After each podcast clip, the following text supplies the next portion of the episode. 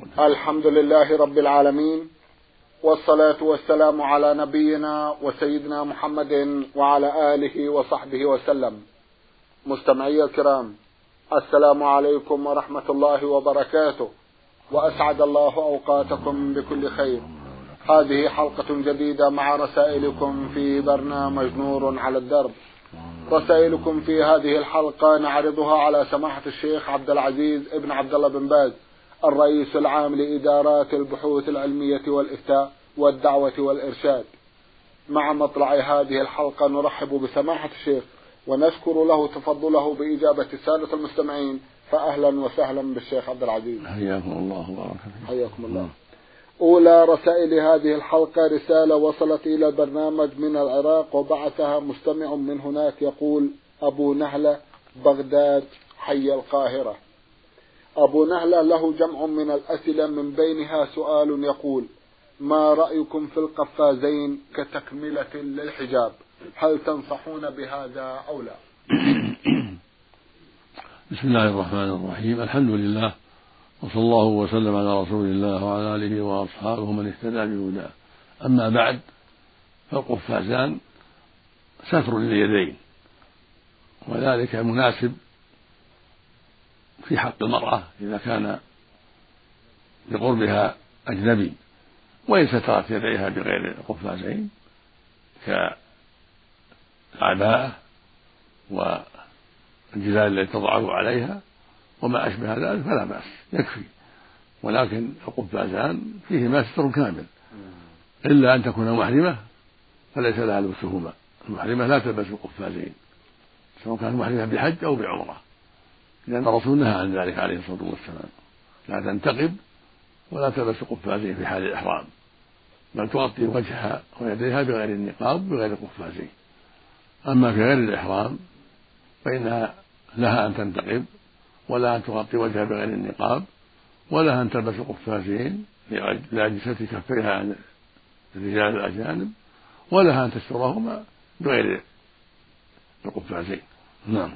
جزاكم الله خيرا.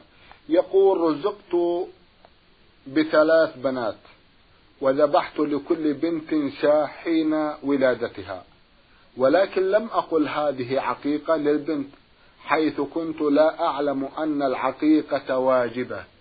سؤالي هل تجزئ هذه الذبائح عن العقيقة؟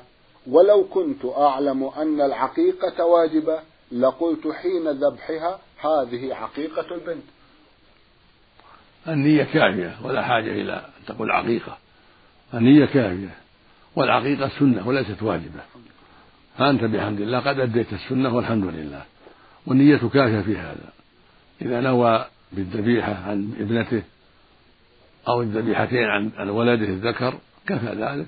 وإن لم يتلفظ بشيء وإن قال هذه عن ولدي فلان أو عن بنتي فلان فلا بأس. كالضحية. كما يقال هذه ضحية عن فلان أو اللهم تقبل من فلان. كله لا بأس به كله طيب.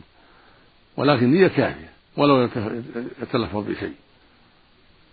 لقول الرسول صلى الله عليه وسلم إنما الأعمال بالنيات وإنما لكل امرئ ما نوى. فالنية التي هي التي محلها القلب كافية في هذا والحمد لله. نعم. جزاكم الله خيرا. يوجد في يدي الإنسان خطوط في اليد اليمنى رقم 18 وفي اليسرى 81 يصبح المجموع تسعة وتسعين. يقابل هذه أسماء الله الحسنى. هل هذا صحيح؟ لا أعلم لهذا أصلا. أو لا أعلم لهذا أصلا بكلية. بل هذا من الخرافات التي لا نعلم لها أصلا. جزاكم الله خيرا. يقول بعد صلاة الصبح أبقى أذكر الله وأسبح حسب ما ورد عن الرسول صلى الله عليه وسلم 13 سبحة وألف مرة أستغفر الله. وألف مرة أقول يقول بعد صلاة الصبح أبقى أذكر الله وأسبح حسب ما ورد عن الرسول صلى الله عليه وسلم ثلاثة عشر سبحة وألف مرة أستغفر الله. وألف مرة أقول لا إله إلا الله. وألف مرة سبحان الله والحمد لله ولا إله إلا الله والله أكبر. وبعد صلاة العصر مثلها بدون انقطاع. ولكوني مواظب عليها دائما. هل يعتبر هذا بدعة ولي تسبيحات قبل النوم أيضا بدون انقطاع؟ ولكم جزيل الشكر. ذكر الله وتسبيحه وتحميده بعد الصبح وبعد العصر مشروع. والله أمر بذلك في آيات كثيرات. فإذا سبح الإنسان بعد الصبح إلى ارتفاع الشمس أو بعد العصر إلى غروب الشمس وأكثر من ذلك فلا شيء فلا شيء عليه بل هو عمل عملا مشروعا. وله في ذلك خير عظيم وأجر كبير. إذا ختم نهاره وبدأ نهاره بالذكر الله واستغفاره والتوبة إليه لكن ليس لهذا حد محدود. بل إذا أكثر من ذلك فالحمد لله. أما المشروع الذي ورد عن النبي صلى الله عليه وسلم فهو محدود.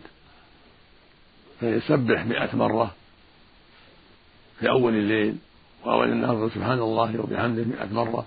أو سبحان الله العظيم وبحمده صباحا ومساء. هذا ورد عن النبي صلى الله عليه وسلم وصح عنه وأن من سبح الله مئة مرة كان غفرت خطاياه وإن كانت مثل زبد البحر. هذا فضل من الله جل وعلا. والمعنى إذا سلم من ما يمنع المغفرة فإن أحاديث الفضائل مقيدة بالأحاديث الدالة على أن الكبائر تمنع المغفرة. فإذا أكثر من تسبيح الله فقد أتى بعمل طيب وخير كثير وهو على خير. ولكن يجب أن يحذر من الإصرار على كبائر الذنوب والمعاصي. يجب أن يحذر من المعاصي والإصرار عليها ويتوب إلى الله منها سبحانه وتعالى حتى لا تكون حجرا في طريق توبته واستغفاره. فينبغي أن يكثر من الاستغفار والتوبة الصادقة والندم على ما فعل من الذنوب وعدم الإصرار عليها. حتى تكون أعماله الأخرى زيادة خير لها من ذكر وتسبيح وصلوات نافلة وصوم نافلة تكون خيرا له مع ما له من الأجر العظيم في أداء الفرائض وترك المحارم. أما الأذكار فهي خير عظيم وفضل ولو فضلها كبير في أول النهار وأول الليل. فمن ذلك تسبيح مئة مرة سبحان الله وبحمده مئة مرة من ذلك أن يقول لا إله إلا الله وحده لا شريك له. له الملك وله الحمد وهو على كل شيء قدير مئة مرة كل يوم. يقول صلى الله عليه وسلم من قال في يوم مئة مرة لا إله إلا وحده لا شريك له له الملك وله الحمد وهو على كل شيء قدير. كانت له عدل عشر رقاب يعني عدل عتقه عشر رقاب. وكتب الله له مئة حسنة ومحانه مئة سيئة. وكان في حز من الشيطان في, في يومه ذلك حتى يمسي ولم يأتي أحد بأفضل مما جاء به. إلا رجل عمل أكثر من عمله. هذا رواه الشيخان في الصحيحين. عن أبي هريرة رضي الله عنه. وكذلك التسبيح بعد الصلوات. سبحان الله والحمد لله والله ثلاث وثلاثين مرة بعد كل صلاة. سبحان الله والحمد لله والله ثلاث وثلاثين مرة. الجميع تسعة وتسعون. ويختم المئة بقوله لا إله إلا وحده لا شريك له. له الملك وله الحمد وهو على كل شيء قدير. هذا مستحب بعد كل صلاة بعد الظهر والعصر والمغرب والعشاء والفجر. وإذا أكثر من التسبيح والتهليل سوى زيادة على هذا في الصباح وفي المساء فهو خير له وليس له حد محدود. بل ذلك فيه خير عظيم وفضل كبير. ويستحب أيضا أن يذكر الله إذا سلم من الصلاة أو يستغفر الله ثلاثا يقول اللهم أنت السلام ومنك السلام تباركت يا ذا الجلال والإكرام. إذا سلم من كل فريضة الظهر والعصر والمغرب والعشاء والفجر. أول ما يسلم يقول أستغفر الله أستغفر الله أستغفر الله. اللهم أنت السلام ومنك السلام تباركت يا ذا الجلال والإكرام. سواء كان إماما أو مأموما أو منفردا. ثم يقول لا إله إلا الله وحده لا شريك له له الملك وله الحمد وهو على كل شيء قدير. لا حول ولا قوة إلا بالله. لا إله إلا الله ولا نعبد إلا إياه له النعمة وله الفضل وله الثناء الحسن. لا إله إلا الله مخلصين له الدين ولو كره الكافرون. اللهم لا مانع لما أعطيت ولا معطي لما منعت ولا ينفع ذا الجد منك الجد. كان يفعل هذا عليه الصلاة والسلام بعد كل صلاة عليه الصلاة والسلام. بعد كل صلاة من الصلاة الخمس يفعل هذا عليه الصلاة والسلام. والإمام إذا استغفر ثلاث وقال اللهم أنت السلام ومنك السلام تباركت يا ذا الجلال والإكرام ينصرف إلى الناس يعطيهم وجه هذا هو السنة.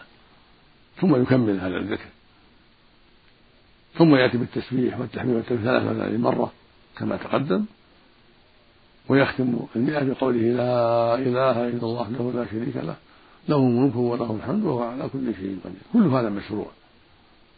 ويزيد في المغرب والفجر عشر مرات لا إله إلا الله وحده لا شريك له.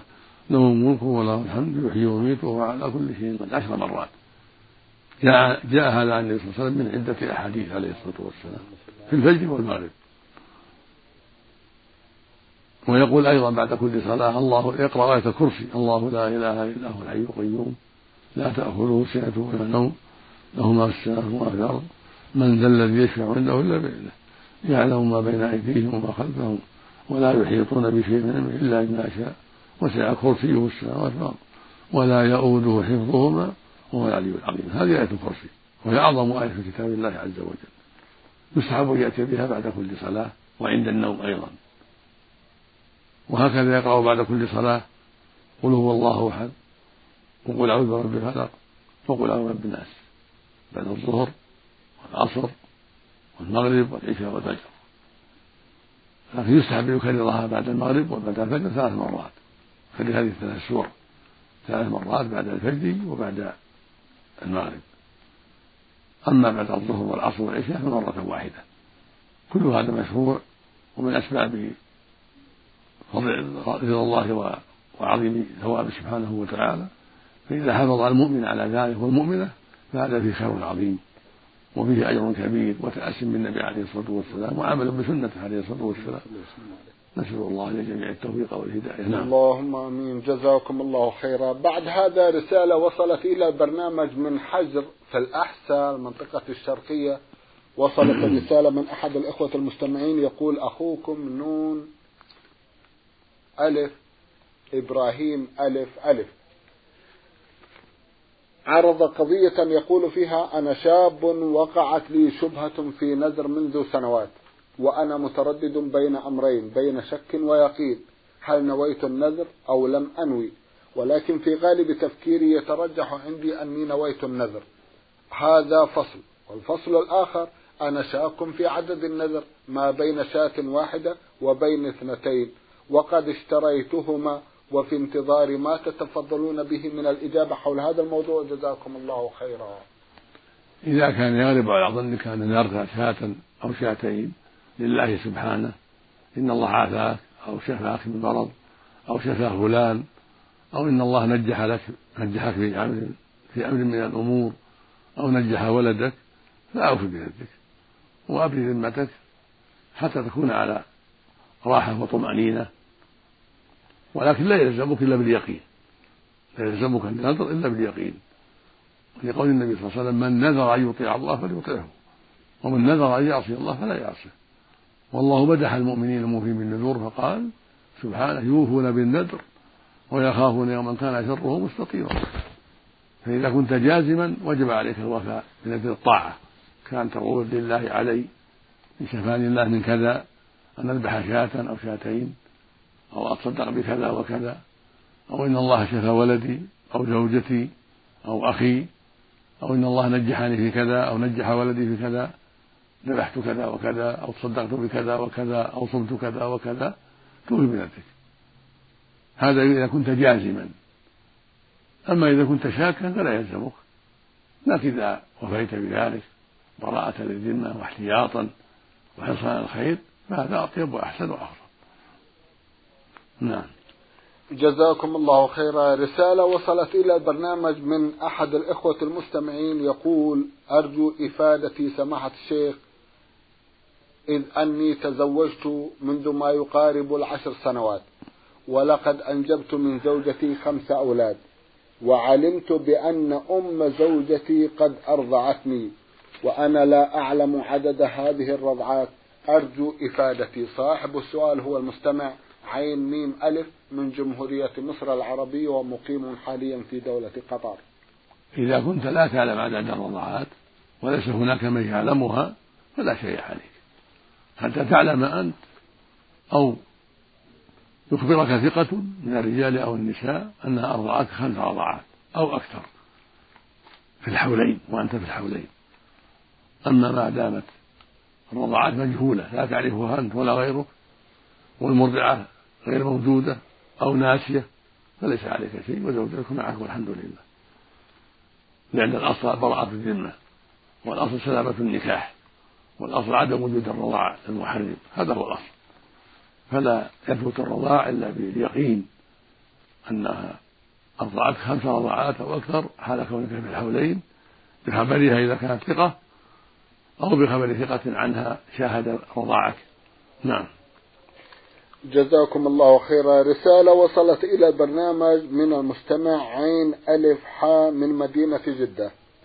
مفهوم ما في هذه الرسالة يقول كان النساء لا يقضين ما أفطرنه من رمضان بسبب أعذارهن الشرعية كالحيض مثلا. والآن اكتشفنا أنهن كن على خطأ. بما تنصحونهن جزاكم الله خيرا. ولا سيما أنهن لا يعلمن عدد الرمضانات التي أفطرن فيها.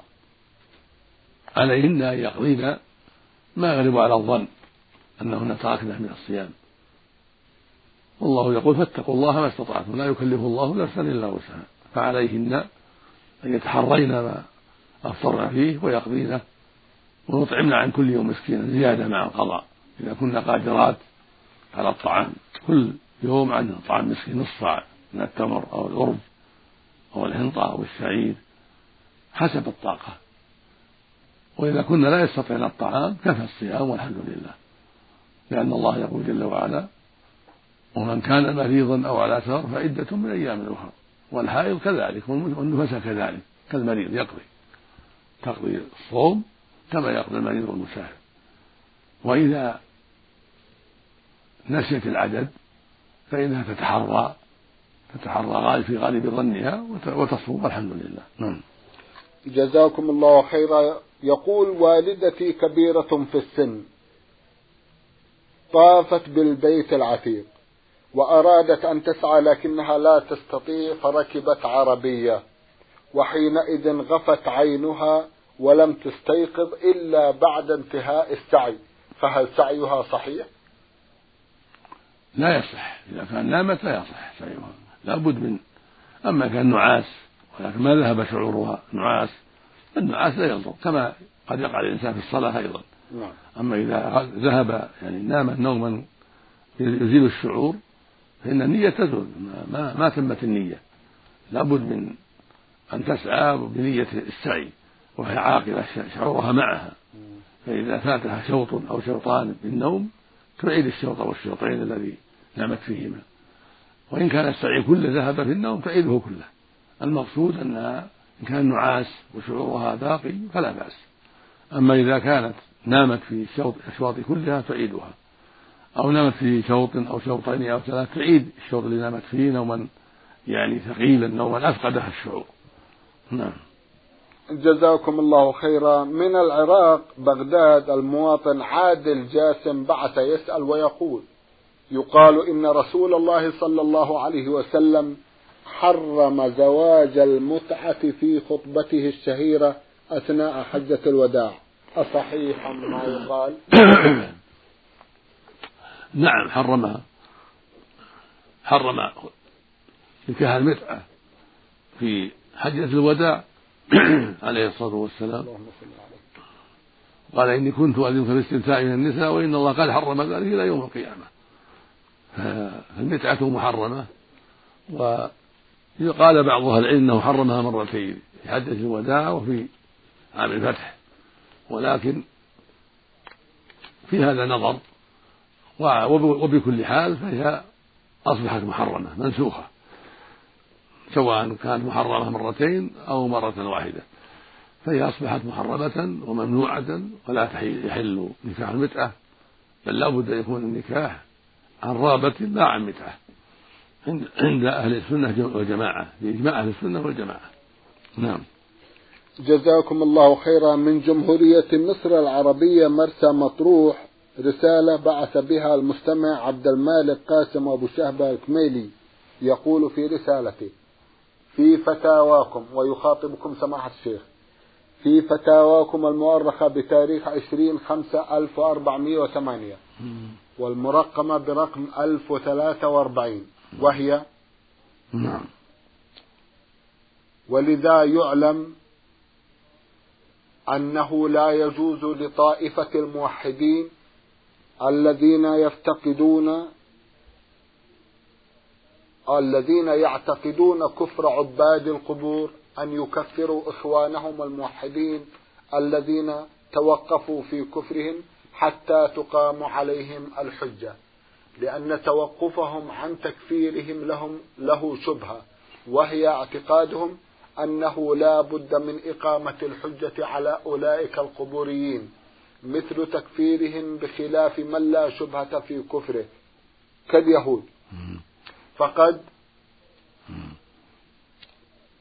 فهم بعضنا أن الحجة تقام على الإخوة الموحدين لوقوعهم في شبهة عدم تكفير عباد القبور.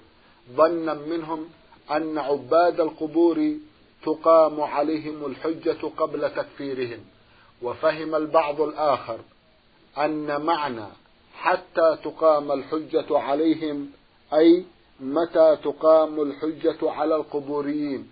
وليس معناه إقامة الحجة على طائفة الموحدين الذين يقرون عباد القبور بالجهل أو الذين يعذرون عباد القبور بالجهل. فالرجاء يا سماحة الشيخ عبد العزيز وأستحلفك بالله الذي لا إله غيره أن توضح لنا هذا الأمر هل الذي تقام على عليه هل الذي تقام على الحجة عليه الحجة هم عباد القبور أو الموحدين الذين الذين يعذرون عباد القبور جزاكم الله خيرا. المقصود هو أن الذين توقفوا في تكفير عباد القبور لا يكفرون حتى تقام الحجة على أولئك الذين استمروا في عبادة الأموات والاستغاثة بالأموات لأن هؤلاء الذين توقفوا في كفرهم لهم هذه الشبهة.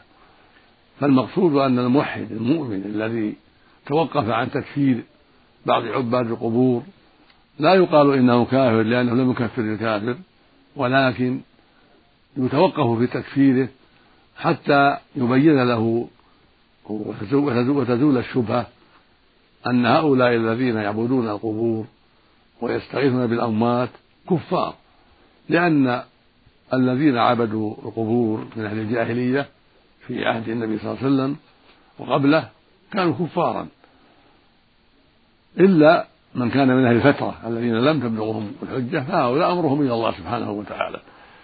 أما الذين بلغتهم الحجة فهم كفار وإن كانوا في نفس الأمر لم يفهموا ولم يتبينوا أنها أن ما أن ما هم عليه كفر. فإذا كان الموحد الذي عرف الدين وعرف الحق توقف عن تكفير بعض هؤلاء الذين يعبدون القبور فإنه لا يكفر حتى يبين له الحجة وتزول الشبهة التي من أجلها توقف. والمقصود هو أنه لا يكفر الموحد الذي توقف عن تكفير عباد الأوثان حتى تقوم عليه حجه حتى يبين له أسباب كفرهم. وحتى تتضح له أسباب كفرهم. هذا المقصود. لأنه قد يتوقف يحسب أنهم ليسوا بكفار. فإذا بين له ذلك واتضح له ذلك صار مثل من لم يكفر اليهود والنصارى. فمن قال إن اليهود والنصارى ليسوا كفارا وهو ممن يعرف الأدلة الشرعية ومن من أهل العلم يبين له حتى يعرف أنهم كفار وإذا شك في كفرهم كفر. لأن من شك في كفر كافر واضح كفره كفر. واليهود والنصارى من من الكفار الذين قد علم كفرهم وضلالهم وعرفه الناس عاميهم وغير عاميهم. وهكذا الشيوعيون الذين يجحدون وجود الله وينكرون وجود الله كفرهم أكثر وأبين من كفر اليهود والنصارى. والقاعدة الكلية في هذا أن الذي الذي توقف في كفر بعض الناس لا يستعجل في كفره. حتى يوضح له الأمر وحتى تزال عنه الشبهة التي من أجلها توقف عن تكفير الكافرين. والله المستعان. الله المستعان. جزاكم الله خيرا. المستمع عوض الله الطيب سوداني الجنسية مقيم في ليبيا يقول عملي يتطلب وجودي به طول الوقت والمسجد بعيد منه. يقول عملي يتطلب وجودي به طوال الوقت. والمسجد بعيد منه بحيث لا أسمع الأذان. فما رأي الدين في صلاتي وحدي؟ إذا كنت لا تسمع الأذان مع هدوء الأصوات ومع كون الوقت ليس فيه ما يمنع سماع الصوت فإنك لا يلزمك الحضور. أما إذا كان عدم سماع الأذان من أجل وجود أصوات أو رياح تمنع الصوت عن جهتك أو ما أشبه ذلك. وإلا لو كانت الأصوات هادئة والجو هادئ لسمعت فإنه يلزمك. لأن الرسول عليه السلام قال من سمع النداء فلم يأتي فلا صلاة له إلا من عذر. وإذا اجتهدت في ذلك وتحريت الصلاة مع المسلمين ولو كنت بعيدا فهو خير لك وأفضل لك وأبعد لك عن الشبهة. ومع مع الأجر العظيم في أداء الصلاة في الجماعة. لكن لا يلزمك إلا إذا كنت تسمع النداء. في, في, في الوقت الذي يسمع فيه النداء. ليس هناك موانع تمنع من صوت المؤذن. نعم. جزاكم الله خيرا. هل يجوز أن أقتدي بما أسمع في المذياع عند نقل صلاة الجمعة؟ لا. يلزمك أن تصلي مع الناس تذهب إلى المساجد وتصلي مع الناس ولا تكتفي بسماع المذياع بل عليك أن تسعى إلى المساجد وتصلي مع الناس. ولا تصح صلاتك بالمذياع صلاة الجمعة ولا يحصل لك حضور جماعة. بل تعتبر صليت وحدك ولم تؤدي الجماعة. جزاكم الله خيرا. بارك الله في امرئ عرف قدر نفسه. هل هذا حديث؟ ثم أيضا تكميلا للسؤال الأول. طيب. تكون مفردا أيضا. تكون مفردا ولا ولا تجوز صلاة المنفرد خلف الصف خلف الصفوف. الواجب عليك أن تسعى حتى تصلي مع الناس. وحتى تدخل في الصفوف. لا تكون وحدك. نعم. جزاكم الله خيرا. بمناسبة ذكر المنفرد الذي يأتي والصفوف ملأى وصلى منفردا ماذا تقول؟ يؤمر بالإعادة كما أمر النبي بالإعادة عليه الصلاة والسلام. لأن بعضنا قد يستعجل ولو تأنى لوجد فرجة. أو أو وقف مع الإمام عن يمينه. والنبي عليه الصلاة والسلام قال لا صلاة لا صلاة لمنفرد خلف الصف. ورأى رجل يصلي خلف الصف وحده فأمره يعيد. ولم يستفصله لم يقل هل وجدت فرجة أو وجدت فرجة هل حصلت أحدا أو حصلت أحدا ولأن في هذا سد الباب عن التساهل. نعم. جزاكم الله خيرا. إذا ما على المرء أن يفعل إذا وجد الصفوف ملأى سمحت ينتظر. ينتظر. حتى يأتي أحد أو يجد فرجة. أو يجد فرجة. أما يجد فرجة ولا ينتظر حتى يجد أحدا أو يقف مع الإمام عن يمينه ماذا لو جذب أحد المصلين إليه؟ لا لا يجذب أحد. لا يجذب أحد. لأن في تصرف وإيجاد فرجة في الصف. تصرف الغير بغير إذن الشرعي بغير إذن شرعي. أما حديث لا دخلت معهم أو إثارة رجلا فهو حديث ضعيف. لا تقوم به الحجة. نعم. جزاكم الله خيرا. إذا نعود إلى سؤال أخينا وهو قوله بارك الله في امرئ عرف قدر نفسه. هل هذا حديث؟ نعم ما بلغني في هذا الشيء. معروف بين الناس في كلام الناس لكن لا أعرف أنه حديث. جزاكم الله خيرا. المستمع ميم عين ميم القرني يقول هل يجوز دفع النقود بدلا من الإطعام وذلك عن كفارة اليمين؟ لا. لا يجوز, لا يجوز دفع النقود لا عن كفارة اليمين ولا عن كفارة الظهار بل هو إطعام. نعم. جزاكم الله خيرا. رسالة وصلت إلى البرنامج من المستمع صادف ابن يؤويا هكذا كتب اسمه من جيبوتي. بعث برسالة ضمنها مجموعة من الأسئلة من بينها سؤال يقول كنا نصلي في مسجد فإذا بإمامه يأمر الناس بفعل ما حرم الله في كتابه أو على لسان رسوله صلى الله عليه وسلم. فمثلا في خطبة الجمعة أمرنا بأن نتبرك بقبور الصالحين. سواء كانوا أمواتا أم أحياء كما أمرنا في حالة السؤال أن نقول بجاه فلان هل يجوز أن نصلي خلف هذا الإمام أم لا؟ ورسالتك جاءت في آخر البرنامج يا أخ صادف نرجو لك التوفيق. لا يجوز الصلاة خلف هذا الذي يأمر بالتبرك بالصالحين بقبورهم هذا جاهل بالحكم الشرعي وجاهل بالتوحيد. أما كلمة بجاه هذه كلمة بدعة لا, لا تكون كفرا بدعة بدعة بجاه فلان أو بحق فلان لا تجوز. لأن الرسول صلى الله عليه وسلم يفعل هذه ولا أصحابه وليست من التوسل الشرعي. بل بل الواجب ترك ذلك. فلا يجوز للمسلم أن يقول في دعاء بجاه محمد أو بجاه فلان أو بجاه الأولياء أو بحق الأنبياء لأن هذا لم يشرع. ولم يرد في أدعية النبي صلى الله عليه وسلم ولا أدعية الصحابة رضي الله عنهم وأرضاهم. أما كونه يأمر بالتبرك بقبور الصالحين هذا كلام مجمل. بقبور الصالحين يقتضي أنه يسألهم أو يتبرك بترابهم أو يتبرك بسؤالهم أو الاستغاثة بهم أو طلب هذا كلام شديد خطير. مثل هذا يدل على جهله. ينبغي أن يعزل ولا يكون إماما. ينبغي أن يسعى لدى المسؤولين في إبداله بغيره. ولا يصلى خلفه. إلا إذا علم وبين له الحق وتاب من ذلك فلا فلا حرج إن شاء الله. إذا استقام وتاب نعم. فالتوبة تجب ما قبلها جزاكم نعم. الله خيرا سماحة الشيخ في ختام هذا البرنامج أتوجه لكم بالشكر الجزيل بعد شكر الله سبحانه وتعالى على تفضلكم بإجابة السادة المستمعين وآمل أن يتجدد اللقاء وأنتم على خير